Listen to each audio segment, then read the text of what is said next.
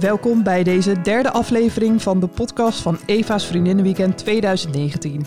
Je luistert naar Wim Grandia, die spreekt over thuiskomen bij de vader. Eén keer per week ben ik uh, meestal op uh, donderdagmiddag, avond, bij mijn uh, jongste dochter Fiona. Ze komt ook regelmatig bij ons thuis logeren, maar in ieder geval één keer per week ben ik op donderdag bij mijn dochter Fiona om leuke dingen met haar te doen, om boodschappen met haar te doen, om samen te eten en dat soort leuke dingen. Ik heb vijf kinderen, eh, één zoon en vier mooie dochters. Eh, en die ene zoon die is getrouwd, dus ik heb één schoondochter. En laat dat nou uitgerekend de leukste schoondochter te zijn van de hele wereld. Echt waar. En dat zeg ik niet omdat ze hier toevallig is. Hey, Jorinde. Wat heb je een leuke jurk aan vanavond. Heel leuk. Um, en mijn vier dochters, dat, zijn, dat, zijn, dat zegt natuurlijk iedere trotse vader... dat zijn, dat zijn vier speciale, mooie meidens. Maar, maar mijn jongste dochter is, is extra speciaal. Waarom? Zij heeft uh, Down-syndroom. En uh, ik heb een mooie foto van haar meegenomen. Kijk, dit is ze. Vorige maand is ze 29 jaar geworden. En het is echt een geweldig mooie jonge vrouw waar ik gewoon trots op ben. Ze houdt van een heleboel dingen. En waar ze vrouw heel erg van houdt, dat is van lekker eten. Dat kun je ook wel een beetje zien op de foto. En haar favoriete eten, dat is een heerlijke sorbet. Nou, een tijdje geleden was ik haar, met haar op een donderdagmiddag. We waren even naar Amsterdam gegaan. En we zaten op een terrasje. Het was nog een beetje mooi weer. En ik zei, Fiona, wat wil je hebben? En toen zei ze, en haar ogen begonnen al een beetje te glinsteren. Papa, ik wil een sorbet. Oké, deal, neem ik er ook een. Zo ben ik dan ook alweer. En, en wat ik zag, hè, en dat is dan zo mooi, daar kun je als vader zo ongelooflijk van genieten. Ik zag dat zij het ijs van de sorbet proefde en ze genoot. Met haar hele gezicht, met haar hele lijf, alles aan haar genoot van een heerlijke sorbet. Nou kan ik jullie vanavond helaas geen sorbet aanbieden. Als er nou 600 vrouwen was geweest, dan had ik er nog zien zitten om het te doen. Maar met 700 vrouwen is dat net even iets te veel. Maar, maar vanavond gaan we wel met elkaar proeven en genieten. En dan gaan we dat niet doen, dat proeven niet met, met de smaakpupillen van onze tong. Maar ik wil jullie uitnodigen om vanavond te gaan proeven en te gaan genieten met de smaakpupillen van ons hart. Jullie hebben denk ik die tekst vast wel in de, in de voorbereiding op dit weekend gezien. En het komt ook voor, volgens mij al in het programmaboekje op alle mogelijke uitingsvormen van het weekend kom je deze tekst tegen. Psalm 34, vers 9. Proef en geniet de goedheid van de Heer. Gelukkig de mens die bij hem schuilt. Nou, en dit is wat we eigenlijk als verlangen hebben voor deze avond.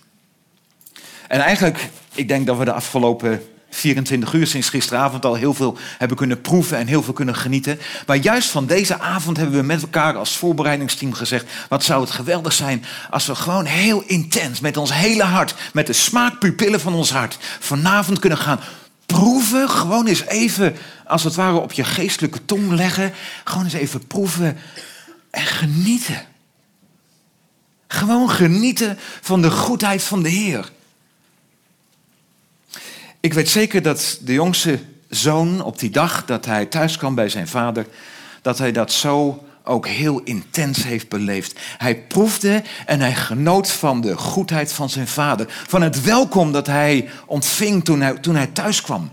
Hij proefde en genoot van, van het heerlijke eten, van de maaltijd en van de wijn en, en van de mooie kleren die hij had aangekregen en van de muziek en van het dansen. Hij proefde en, en genoot van alles, maar vooral en boven alles heel intens, met zijn hele hart, met zijn hele ziel. Hij genoot zo van de, van de goedheid, van de liefde van zijn vader.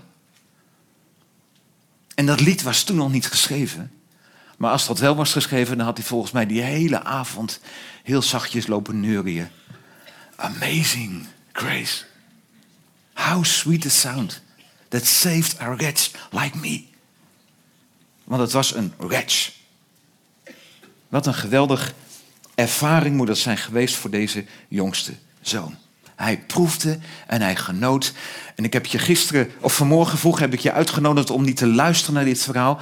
Niet een toeschouwer te zijn, maar een deelnemer te zijn van dit verhaal. En schuif vanavond aan bij dat feest, bij die maaltijd, die die zoon mag gaan genieten. En proef en geniet met ons mee. We gaan vanavond in de eerste plaats nog eens wat inzoomen op, op die vader. Die in dit verhaal een, een onvoorstelbaar mooi beeld is van, van de hemelse vader. Een beeld is van God.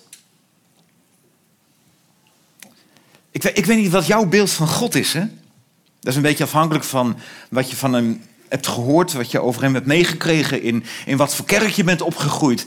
Maar, maar, maar weet je, als je nou wil weten wie God is, als je nou een zuiver en een eerlijk plaatje wilt, wilt, wilt hebben van God, dan moet je vooral ook vanavond weer heel goed luisteren naar dit verhaal. Als er ergens in de Bijbel één mooi, compleet, allesomvattend verhaal of plaatje wordt neergezet van God als vader, dan is het wel dit plaatje. En degene die ons dit plaatje heeft gegeven, Jezus, hij kende de Vader als geen ander. Hij was God zelf, dus hij kan het weten hoe de Vader is. Geloof maar dat dit het meest zuivere plaatje is van God. We gaan kijken naar wat er gebeurt als de jongste zoon thuiskomt. En ik ben ervan overtuigd dat als die oudste zoon alsnog had besloten, weet je wat, het is een verhaal met een open einde. Als die oudste zoon alsnog had besloten om ook thuis te komen, dat die vader naar die oudste zoon op precies dezelfde manier zou hebben gereageerd. We pakken het verhaal even op in vers 20. Dat moment dat die jongste zoon dus uit dat verre land besluit om terug te gaan naar huis, naar de vader. Hij vertrok meteen en ging op weg naar zijn vader. Zijn vader zag hem in de verte al aankomen. Hij kreeg medelijden en rende op zijn zoon af, viel hem om de hals en kuste hem. Weet je, ik, ik, ben, ik ben al een dag of tien bezig met de voorbereiding op het weekend. Niet continu, maar. En ik probeer me, me in dit verhaal in te leven, maar vooral dit zinnetje ik, loop er eigenlijk al een week op te herkauwen en het wordt steeds zoeter en steeds mooier en steeds.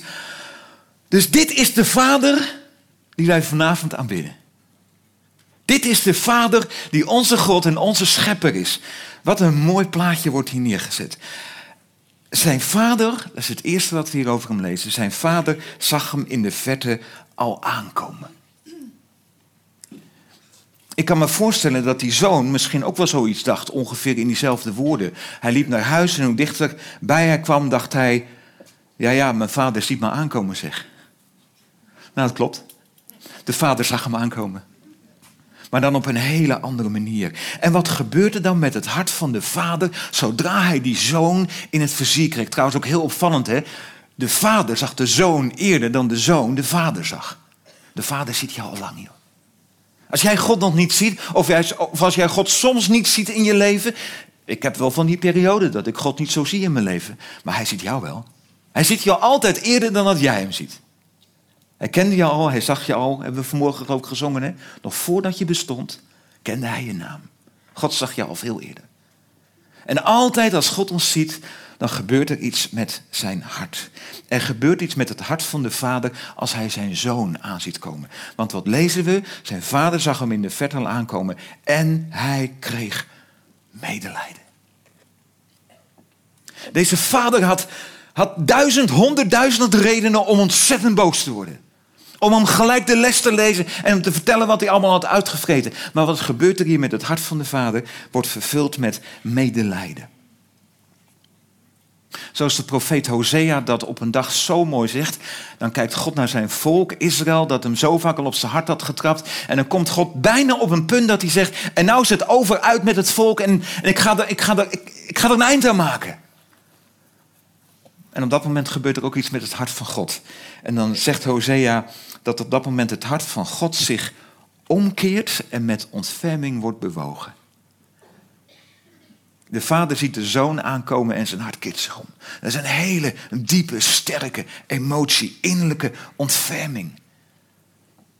En weet je, dit zegt iets over, over de betrokkenheid van God op ons leven.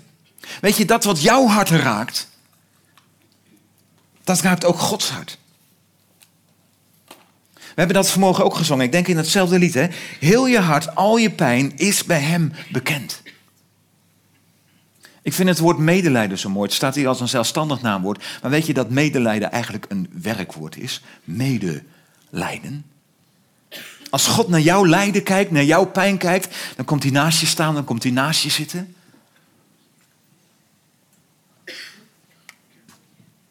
Ook voor jou. Dan komt hij naast je zitten en dan zegt hij: Mag ik mijn arm om je schouder slaan en mag ik met je meelijden? Jouw pijn wordt zijn pijn. Jouw tranen worden zijn tranen. Jouw pijn wordt zijn pijn. Hij ziet zijn zoon aankomen, berooid, ontgoocheld, gedesillusioneerd. Een van de liederen die gisteravond voorbij kwamen, gingen over eh, miljoenen dromen. Die jonge man die ging met miljoenen dromen de wereld in. Nou, deze jonge man komt terug en, en al zijn miljoenen dromen waren als een zeepbel uit elkaar gespat. Ze waren veranderd in, in nachtmerries. En de vader ziet dat en hij krijgt medelijden. En dan het volgende wat er staat. Hij kreeg medelijden en hij rende op zijn zoon af, viel hem om de hals, een big hug, een heavenly hug. En hij kuste hem. Uh, Arjan, wil, wil, je even spontaan even meedoen in een klein dramastukje? Ja, wat gaan we dan doen, hè? hey, wil jij... Uh, even denken, hoor. Jij bent wat ouder, dus als jij nou de vader bent... ben ik de zoon, de jongste zoon, weet je wel? Ja. En ik kom uit de verte aanlopen en dan gaan we even, gewoon even laten zien wat er gebeurt. Ik ben de vader, jij bent de zoon. Ja. Ja, lukt dat? Ik ben de jongste zoon. Ja? Oké. Dus uh, ik ga even daar naartoe. Oké. Okay. Zo. Mijn kleren zien er iets te netjes uit, maar vond ik een beetje zonde om ze nu... Uh... Oké. Okay.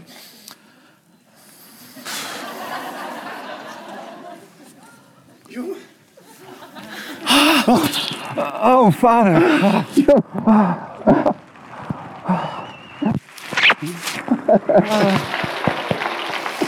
Oh, vader.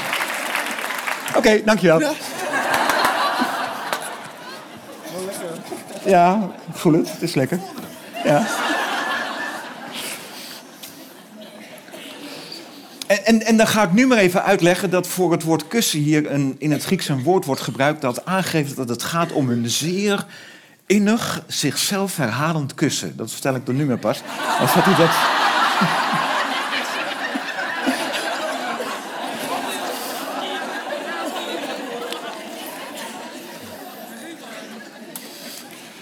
Oké, nou, ik, ik, weet niet hoe lang die huk heeft geduurd. Volgens mij, daar, daar, had eigenlijk een camera bij moeten staan. Maar goed, jullie hebben nu even een beetje gezien, dankjewel.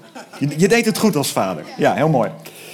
Um, maar goed, dat duurt even. Maar als dan eindelijk de vader uitgeknuffeld is... dan, dan begint de zoon met het uit zijn hoofd geleerde lesje op te dreunen. Hè? Want dat hebben we vanmorgen gelezen. Hij had een hele tekst bedacht. En als ik dan thuis kom bij de vader, dan zeg ik... Vader, ik heb gezonde, een heel verhaal. Nou, daar begint hij mee. Vader, zei zijn zoon tegen hem, ik heb gezondigd tegen de hemel en tegen u. Ik ben het niet meer waard uw zoon genoemd te worden. Hij wil ademhalen en verder gaan, want het verhaal gaat nog veel verder. Maar hij krijgt niet eens de kans. De vader laat hem niet eens uitpraten. Homa, stop maar, ik weet genoeg. Want wat is het volgende vers?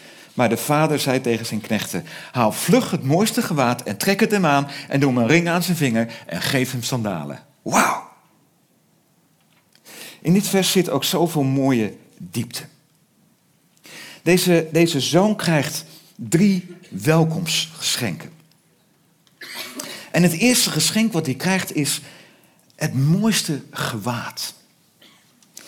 En dat zegt iets over het terugkrijgen van zijn kwijtgeraakte identiteit.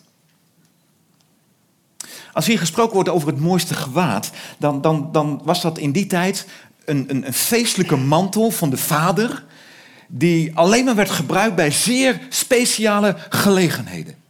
Deze, vader van de man, of, uh, deze mantel van de vader, die wordt hier op de zoon gelegd. Als zonen en dochters thuiskomen bij God, dan is het eerste wat hij doet, hij legt zijn heilige mantel, hij legt zijn heerlijkheid af en legt die op ons leven. Alsjeblieft, gebroken mens, vies, vuil. Ik leg mijn heerlijkheid op jou. Ik ga jouw identiteit herstellen.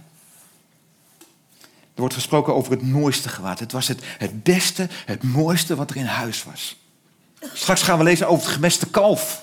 Dat was het kalf dat altijd klaar stond. Dat was speciaal gemest. Dat was het beste kalf in de stal. Dat speciaal bereid was voor als er een heel bijzonder iets zou gaan gebeuren. Dit geeft aan hoe bijzonder het is wat hier gebeurt. Het beste, het allerbeste ligt klaar voor mannen en vrouwen.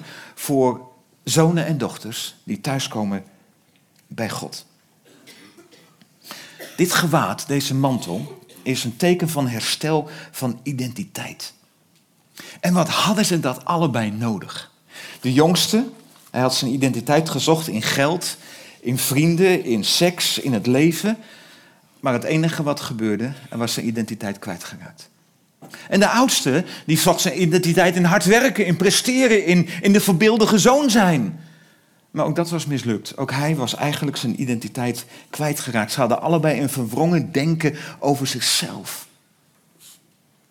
Weet je, ik geloof dat onze identiteit uiteindelijk in God zelf ligt. In Hem en in onze verbondenheid met Hem. En daarom gebeurt het ook dat als mensen van God losraken, als mensen van huis weggaan, het eerste wat er onder te lijden heeft is identiteit. Waarom hebben we in onze tijd zoveel te maken met zoveel mensen die, die volledig gebroken zijn, die geen identiteit meer hebben, die, die worstelen met zichzelf, die onzeker zijn? Zoveel mensen die worden geleefd door schaamte en door schuld en door angst. Het heeft te maken met het leven zonder God, het leven ver van huis vandaan. En het eerste wat gebeurt als we terugkomen bij God, is dat er een begin gemaakt gaat worden van herstel van onze identiteit. Wauw. We lezen in het Oude Testament, in Zacharia 3, over een heel bijzonder moment in, in de hemel. We krijgen even een, een soort inkijkje in de hemel. En wat, wat blijkt dan? Daar is een hoge priester met de naam Jozua. Die staat er voor de engel des Heren, voor de troon van God. En hij heeft vuile kleren aan. En niet zo'n niet zo'n klein beetje vuil ook.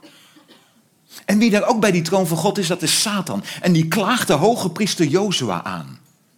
Heb je dat verhaal eens gelezen? En eens kijken wat er dan gebeurt. We lezen in Zachariah 3, vers 3. Nu was Jozua, dus die hoge priester, in vuile kleren voor de engel, de engel des Heren, de troon van God verschenen. En deze zei tegen degenen die voor hem stonden: Trek hem die vuile kleren uit. Dat moest de jongste zoon doen toen hij thuis kwam.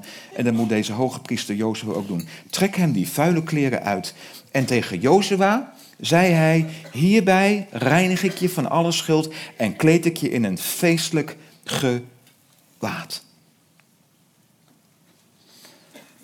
Ik vond het wel een hartstikke leuk initiatief, die Eva Kledingruilbeurs. Ik spreek ook regelmatig op mannenconferenties, gaan we daar ook eens proberen. ik, ik, dacht vanmiddag nog even, zal ik, zal ik ook eens gaan kijken en zal ik mijn kleren erop hangen, maar ik denk dat ik wat uit te leggen heb als ik morgenavond opeens met vrouwenkleren aan thuis kom. Dus dat heb ik maar even niet gedaan. Maar, maar, maar uh, een kledingruilbeurs. Wat we hier lezen, weet je dat het eigenlijk een soort hemelse kledingruilbeurs is? Wij mogen onze vuile kleren, die zo, ah, zo vies zijn, mogen we inleveren bij God. En we krijgen er, dat moeten jullie dames toch aanspreken, een feestelijk gewaad voor terug. Zo kijkt God naar jullie, hè? God ziet jullie. Jullie zien er allemaal vanavond best wel mooi uit. Ik heb trouwens ook speciaal een nieuwe broek voor vanavond gekocht. Vinden jullie hem mooi? Even, hoe, hoe, hoe, deed je dat zo? Zo? Oké. Oké, maar dat terzijde. Als God naar jullie kijkt, dan ziet hij jullie als geweldig mooie, kostbare vrouwen. Gekleed met een feestelijk gewaad. En zo mag je naar jezelf gaan kijken. Jezaja die jubelt het uit in Jezaja 61. Ik vind grote vreugde in de Heer. Mijn hele wezen jubelt om mijn God. Hij deed mij het kleed van de bevrijding aan. Hij hulde mij in de mantel van de gerechtigheid. Zoals een bruidegom een kroon opzet. Zoals een bruid zich tooit met haar sieraden. Wauw. We zijn bekleed met klederen van, of met een mantel van gerechtigheid dit, dit heeft alles te maken met wat we in het Nieuwe Testament lezen over dat we bekleed zijn met de Heer Jezus. Dat is de mantel van de gerechtigheid. Trouwens, hebben jullie je al eens afgevraagd bij dit verhaal waar we nu al de hele dag zo intensief mee bezig zijn. Hebben jullie wel eens afgevraagd, waar is Jezus in dit verhaal? Er is een vader, er zijn twee zonen. Maar waar is Jezus in dit verhaal? Daar kom ik morgenochtend op terug. dit was de cliffhanger. We gaan eerst even naar het tweede welkomstgeschenk. De zoon die krijgt naast het mooiste gewaad, hij krijgt ook een ring aan zijn vinger. En niet zomaar een ring, hij krijgt een zegelring van zijn vader. Zoals Jozef ooit de zegelring kreeg van de koning Farao, waarmee hij macht had om alles te doen in de naam van de Farao. Zo krijgt deze zoon een zegelring van zijn vader aangeboden.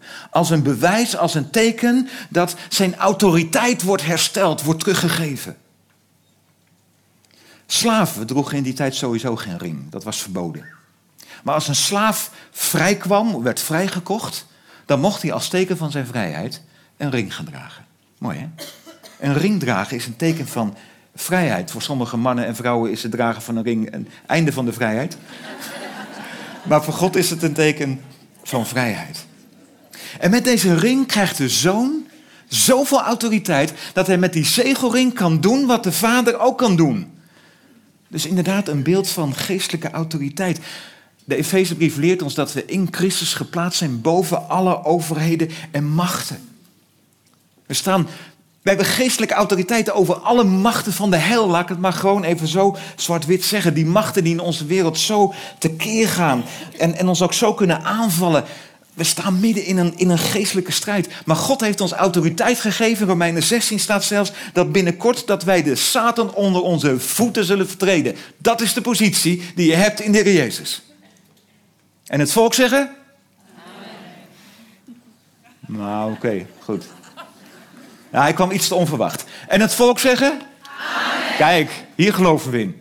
En, en ik denk dat we allemaal wel die geestelijke strijd ervaren, die aanvallen in je leven, in je, in je huwelijk, in je gezin, in je lijf, in je denken. Besef dan, als je, als je die geestelijke strijd soms zo dichtbij voelt komen, kijk dan als het ware even naar je hand en, en laat hem maar even zien aan onze tegenstander. Ik heb de zegelring van de Vader. Ik heb geestelijke autoriteit. Ik ben geplaatst in Christus boven alle overheden en machten. Het derde wat de zoon krijgt, hij krijgt, hij krijgt sandalen aan zijn voeten. En het heeft alles te maken met herstel van zijn positie. Heel eenvoudig, slaven droegen in die dagen geen sandalen, die waren blootsvoets. Het waren de zonen en dochters van het huis. Die liepen op sandalen en we hebben dat vanmorgen al gezien. Hiermee laat de vader zien, je bent niet mijn slaaf, je bent mijn zoon. En dan wordt het tijd om feest te gaan vieren. Lucas 15. Zo. Breng het gemeste kalf, zegt de vader, en slacht het. Laten we eten en feest vieren, want deze zoon van mij was dood en is weer tot leven gekomen. Hij was verloren en is teruggevonden. En ze begonnen feest te vieren. Ik hoorde ooit eens een preek in Nashville, ik zal hem nooit vergeten, van een bekende Amerikaanse dominee, Tony Campolo. En het thema van die preek was, ik denk dat het al 15 jaar geleden is, The Kingdom of God is a party. Het was voor mij van de oorsprong wat reformatorische oortjes nog even wennen. Maar ik geloof het echt, the kingdom of God is a party. De hele Bijbel wordt voortdurend gesproken over feest. Hoeveel gelijkenissen van Jezus gaan hier over feest? Het volk Israël moest zeven keer per jaar feest vieren. Drie keer in het groot en vier keer in het klein. Elke week hadden ze een feestdag, de Shabbat. De hele Bijbel staat vol met feest. En wat gebeurt er? Als die dag gaat komen dat Jezus terugkomt? Wauw. De profeten hebben al een paar inkijkjes gekregen. Dan zal gebeuren wat Jezaja zegt. Op deze berg richt de Heer van de hemelse machten voor alle volken een feestmaal aan. Uitgelezen gerechten. Hmm. Belegen wijnen. Dat is wat voor Minella. Ja, volgens mij hou jij van een wijntje. Ik heb je er al vijf keer over gehoord. Ik zit dat te turven. Maar het is je gegund.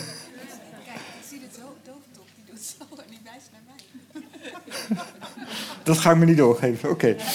Um, uitgelezen gerechten, belegen wijnen. Een feestmaal rijk aan merg en vet. Dus geen cholesterolproblemen meer en zo. Met pure, rijpe wijnen. Wauw. Maar weet je wat mooie is? Dit is toekomst. Maar het feest dat God ons aanbiedt, waardoor, waar, waarvoor Hij ons vanavond uitnodigt, dat is ook een feest voor het hier en nu in dit leven. Weet je, en ik meen dat echt met mijn hele hart. Als we thuiskomen bij God, dan gaat het feest in ons leven beginnen. En dat betekent niet dat het dus altijd gemakkelijk is, dat we geen pech meer hebben, dat we geen verdriet meer hebben. Ik weet wat het is om verdriet te hebben. Maar ik weet ook wat het is om terwijl je bijna ten onder gaat onder je verdriet. Voor degenen die dat niet weten, omdat je eigen vrouw overlijdt terwijl ze nog maar 46 is. En jij, jouw schoonmama. En dan toch te midden van zulk diep verdriet ervaren, maar de vreugde van de Heer. Het feest van het thuiskomen bij God is zo intens en zo diep. Daar kan niks tegenop. Er is niets in deze wereld wat dit feest diep van binnen in je hart kapot kan maken. En dit zijn geen grote woorden. Dit is de praktijk van het leven van kinderen van God. Wanneer je gaat proeven en genieten de goedheid van de Heer. Wauw. De zoon die wordt uitgenodigd om aan tafel te gaan. En zie hem daar, zie hem daar staan. Uh, schoon, stralend, uh, genietend, bevrijd. Met vaders mooiste mantel om. Met een, een ring die schittert. Uh, met spiksplinternieuwe sandalen. Daar staat hij. Mag ik toch even de vrijheid nemen om, om dat open einde van de gelijkenis. Ik kan het niet nalaten. Om het toch een beetje in te gaan vullen. En ik denk wat ik nu ga zeggen, dat ik daarmee eigenlijk niets anders doe dan het verlangen van het hart van de Vader vertolken. Plotseling gaat de deur open. De muziek stopt. De dansen stoppen. De knechten stoppen even met hun werk. Want wie staan daar in de deuropening? De vader en de oudste zoon. Hij komt ook thuis. Hij komt ook binnen. En het feest kan nu echt gaan beginnen. En wij? Wij zijn dus geen toeschouwer, wij zijn deelnemer. We zitten midden in het verhaal. Soms, soms stonden we vandaag even naast de jongste en soms stonden we even naast de oudste zoon. En, en, en dan nu? De oudste zoon, de jongste zoon, de vader, de knechten, ze gaan, ze gaan beginnen. En wij? Wij worden ook uitgenodigd om vanavond aan tafel te komen. Geloof je het niet? Wat in de Bijbel staat is waar, hè? Toch? Oké. U nodigt mij aan tafel. Voor het oog van de vijand. U zalft mijn hoofd met olie. Mijn beker vloeit over. Lieve zussen, we worden vanavond allemaal uitgenodigd om aan tafel te gaan bij God. Vanmorgen hebben we het gehad over thuiskomen, vanavond over thuis zijn. Dit is thuis zijn. Dat is feestvieren en aan tafel bij God genieten, proeven, zijn goedheid. Vind trouwens wel een mooi zinnetje. Mijn beker vloeit over. Uh, pessimisten zeggen, het glas is half leeg. Optimisten zeggen, het glas is half vol. Christenen zeggen, mijn beker vloeit over. Je hebt altijd baas boven baas, hè? Maar het gaat nog verder. Geluk en genade volgen mij alle dagen van mijn leven. Ik keer terug in het huis van de Heer tot in lengte van dagen. Nog even terug naar vers 5. God, hij nodigt ons uit aan tafel. Velen hebben vanmorgen, ik heb dat een beetje zien gebeuren en ik vond het zo mooi om daar naar te kijken. Velen hebben vanmorgen zich laten reinigen. Ze hebben als beeld van wat er van binnen diep in hun hart gebeurt, ze hebben hun handen gewassen. En ze zijn klaar om aan tafel te gaan.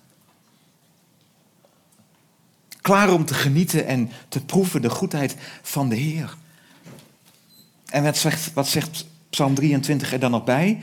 U zalft mijn hoofd met olie. Kijk. Mag ik daarmee afsluiten vanavond? Dat God zijn thuisgekomen oudste en jongste dochters wil zalven met olie. Weet je wanneer dat gebeurde in, in die cultuur, in die tijd? Bijvoorbeeld eh, olie, dat, dat was ook een teken van gastvrijheid. Als je gasten kreeg, dan werd hun hoofd en hun gezicht werd gezalfd met olie. Ehm, als slaven werden vrijgelaten, als teken van hun vrijlating, werd hun hoofd gezalfd met olie. Ehm, priesters en koning werden gezalfd in hun bediening als een bevestiging van, van de zalving die God op hun leven wilde leggen. Olie is in de Bijbel het beeld van de Heilige Geest die we ontvangen als we tot geloof in de Heer Jezus komen. Maar weet je, olie heeft ook alles te maken met genezing. Die bekende tekst, Jacobus 4, als iemand ziek is, laat hij de oudste bij zich komen, omdat ze hem met olie zalven.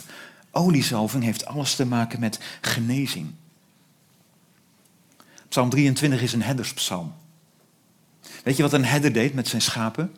Hij zalfde de koppen van zijn schapen met olie. Waarom? Om te voorkomen dat die schapen gek zouden worden van alle insecten. Uh, maar als die schapen verwond waren geraakt door, door de woeste bergen of door aanvallen van wolven of van beren, wat deed de goede herder? Hij zalfde de wonden met olie. En zo wil hij ons ook vanavond als mannen en vooral vrouwen die thuisgekomen zijn bij God. Hij nodigt ons uit aan tafel als een beeld van gemeenschap. Hij wil maaltijd met ons houden. Lees in openbaring 3. Ik klop aan de deur en ik vraag mag ik binnenkomen, want ik wil maaltijd met je houden. Ik wil gemeenschap met je hebben. En hij wil ons hoofd salven met olie als een teken van genezing. En wat hebben we dat nodig? Of we nou zijn thuisgekomen als jongste of als oudste dochter, wat hebben we Gods genezing nodig voor ons leven, voor ons hart? Voor onze gebroken relaties. Voor onze gebroken dromen. Voor onze gebroken idealen, voor ons verdriet, voor onze rouw, voor onze eenzaamheid. Voor de wonden die door anderen zijn geslagen, voor onze gebroken identiteit. Ik ben zo onder de indruk van deze vader. Ik proef hem. Ik geniet van hem. En hij nodigt je uit om aan tafel te gaan. We gaan straks feest vieren van aanbidding. En, en hij nodigt je uit om je hoofd te laten zalven. Minella, mag ik je vragen, wil je erbij komen staan? Want net als we vanmorgen het gewoon heel praktisch hebben willen maken... je hebt vanmorgen de gelegenheid gekregen om je handen te wassen. Zo willen we het vanavond ook een hele praktische invulling geven. Minella. Heb je genoten van deze podcast? Schrijf je dan in voor de Eva Nieuwsbrief en blijf op de hoogte van de laatste nieuwtjes, mooiste artikelen en nieuwe podcast. Ga naar eva.eo.nl/nieuwsbrief.